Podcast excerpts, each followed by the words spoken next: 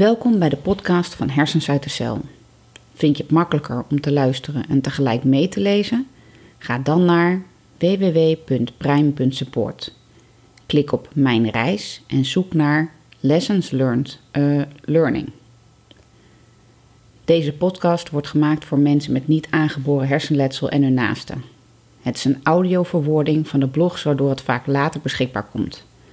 Deze blog schreef ik in april 2021. Lessons learned. Uh, learning. Het is zo mooi hoe onbewust en onverwacht verschillende relatief onbelangrijke dingen zorgen voor een compleet plaatje. Ik probeer, net zo goed voor mijzelf als voor degenen die deze blog lezen of de podcast luisteren, elke maand een soort update te schrijven van hoe het nu gaat. Waar ik sta in mijn proces, wat er niet goed gaat, maar allerliefst natuurlijk wat er supergoed gaat. Ik heb een hekel aan negatieve verhalen, maar helaas is het soms wel lastig om de positieve ontwikkelingen te zien. Ik kan niet ontkennen dat ik toch weer in een nieuwe acceptatieproces terecht ben gekomen. Iets met opnieuw zoeken, trial and error. En dat komt en gaat met frustratie, woede en verdriet. Maar ook met euforie.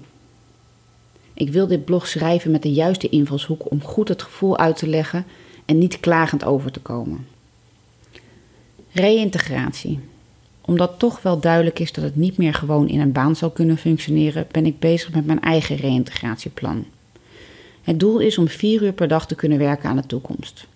Voor nu gaat dat over de podcast Hersens uit de Cel van de oude blogs, waar ik al ontzettend mooie en ontroerende reacties op heb gekregen en die zelfs gedeeld werd door iemand die ik niet ken. Dat is dus iets waar ik toch mensen mee kan helpen en dat geeft mijn leven waarde, nut. Dat heb ik nodig.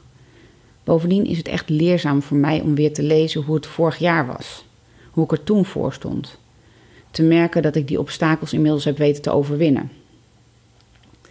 Daarnaast natuurlijk mijn leefwijzer, waarmee ik probeer anderen met NAH te helpen, zodat zij niet meer het wiel opnieuw hoeven uit te vinden. Er is dus meer dan genoeg werk om mijn uren mee te vullen. Sterker nog, het is echt heel veel en heel leuk ook nog eens. En nuttig. Maar toch loop ik vast. Als ik op een goede dag, waar alles meewerkt, een aantal lessen uitgeschreven krijg, loop ik op wolken. Zo blij dat het weer kan en hyper gemotiveerd om door te gaan. Ik moet mezelf dan echt remmen, omdat ik weet dat ik echt niet meer een nacht door moet gaan, omdat ik in de flow zit. Dat is nou eenmaal anders tegenwoordig. Dus onderbreek ik de flow om te zorgen voor genoeg slaap. Maar dan, waar gaat het mis? En dan gaat het op andere dagen toch weer mis. Ik vind het zo ontzettend leuk om mee bezig te zijn, maar ik kom vaak niet aan het werk. Als ik al aan de gang kom, dan stopt het bij de tweede of derde verstoring omdat ik er gewoon niet meer in kan komen. Dit is zo anders dan vroeger. Verstoringen zijn ook gewoon niet te vermijden. Een appje, een vraag of de wasmachine die piept. Bovendien is iedereen ook gewend aan dat ik toch niks anders te doen heb. Ik ben vrij spel en beter overdag te benaderen dan in de avond, zegt het verleden. Ik ben ook niet de persoon die alles dan kan negeren. Ja, alle notificaties staan uit en ik heb oortjes in met muziek, ik geef aan dat ik even onbereikbaar ben naar mijn omgeving en toch werkt het gewoon niet zo. Twee obstakels. Er zijn dus twee oplossingen nodig. De eerste gaat over de verstoringen uitsluiten. Dat is gewoon lastig en hier heb ik al veel aan gedaan. Het tweede is uitzoeken waarom ik zo moeilijk kan starten. Punt 1 ben ik een denker. Er moet een eerste stap in mijn hoofd zijn voor ik begin. Dat lukt wel. Ten tweede heb ik een leeg hoofd nodig. Dus ook leeg van huishoudelijke zaken die die dag nog moeten gebeuren. Dat is wel iets waar ik mee aan de slag zal moeten. Drie is wel een heel belangrijk en complex punt. Al vanaf mijn puberteit presteer ik het beste onder druk. Onder druk wordt alles vloeibaar, was mijn motto. Ik wachtte net zo lang tot ik echt haast kreeg om de deadline te halen en dan haalde ik door. Heerlijk. Met mijn studie zat ik zo nachten in mijn eentje door te tikken. Maar probleempje. Er is alleen één probleempje met die methode. Die doet het niet meer. Tegenwoordig kan ik helemaal niet meer tegen deadlines en druk of stress. Mijn hersenen verwerken die signalen niet goed en door de aansturing van mijn hersenen richting mijn sympathische en parasympathische zenuwstelsel gaat er van alles op hol. Gevolg is hypo's en of algehele terugkeer van alle klachten. Duizelig, hoofdpijn, misselijk, brain fog en meer. Pakketje lam leggen die griet. Dus om te starten en in de flow te komen heb ik de druk van een deadline nodig. Alleen is die druk een garantie dat ik binnen no time plat lig en bij moet komen. Er moet iets nieuws zijn. Lessen schrijven. Eer je natuurlijke ritme.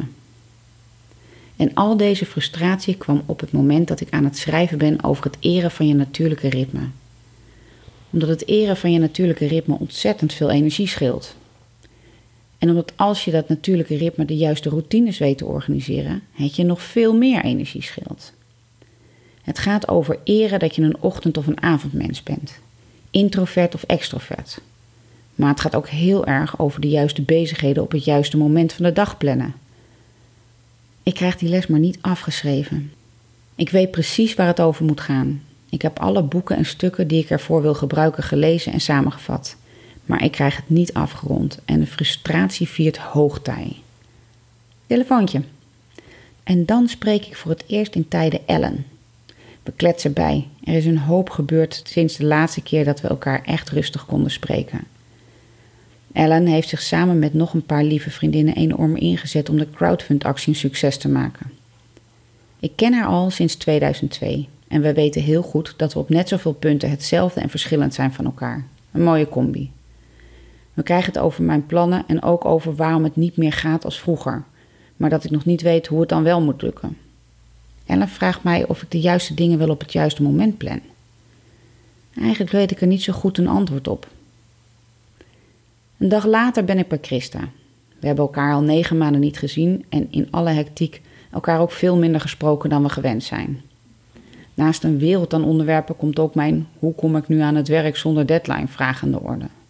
In een samenraapsel van verschillende onderwerpen van de dag kom ik erachter dat mijn huidige globale dagindeling eigenlijk is ontstaan door onze hond. Niet bewust en mogelijk achterhaald. Huidige dagindeling. Op dit moment ziet mijn mogelijk minder ideale dag dan ik dacht er als volgt uit. Ik heb een opstartroutine, een ochtendroutine, een avondroutine en een naar bedroutine. Tussen de ochtendroutine en de avondroutine is de werktijd ingepland. Grofweg gaat de wekker om half acht, waarna ik opsta en zorg dat de kinderen alles hebben wat nodig is om de dag goed te starten en door te komen. Als zij de deur uit zijn of achter de laptop zitten, start mijn ochtendroutine. Meestal op de bank, want na alle drukte in de ochtend was de hond altijd erg druk en van slag. De enige manier die we vonden om dat te doorbreken was als ik zelf rustig op de bank ging zitten. Ze schuift dan dicht tegen mij aan en komt tot rust. Het liefst zit ze 24/7 in contact met mij. Onze hond is heel erg gevoelig. En ik denk wel eens dat zij mij met haar gedrag juist gedwongen heeft om na de drukte een periode rust op de bank in te lassen. Ik ben alleen wel bezigheden gaan zoeken voor die periode.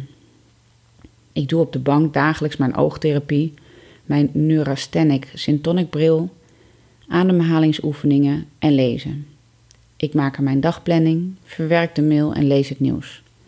Al met al zit ik daar niet niets te doen. Maar werken kan ik het nou ook niet noemen.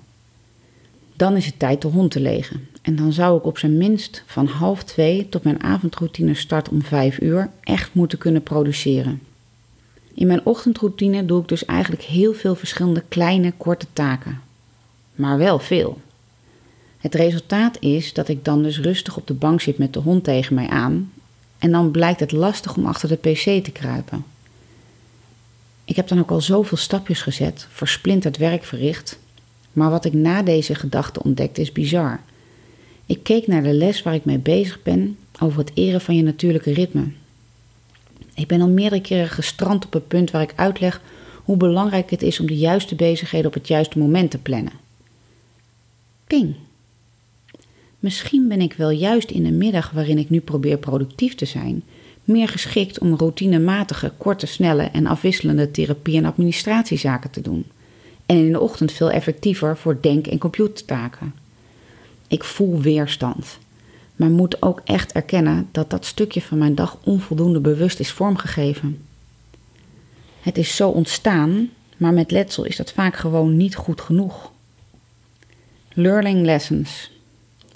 Zo blijkt het ineens dat niet alleen het opnieuw bezig zijn met de blogs van vorig jaar voor de podcast helpend is, Ook het schrijven van de leefwijzer, die ik notabene zelf heb uitgevonden en bedacht, heeft nog steeds lessen in zich voor mij. Steeds weer dingen die ik wel weet, maar dus blijkbaar niet goed genoeg heb gebruikt. Weten hoe het moet is wat anders dan doen zoals het werkt.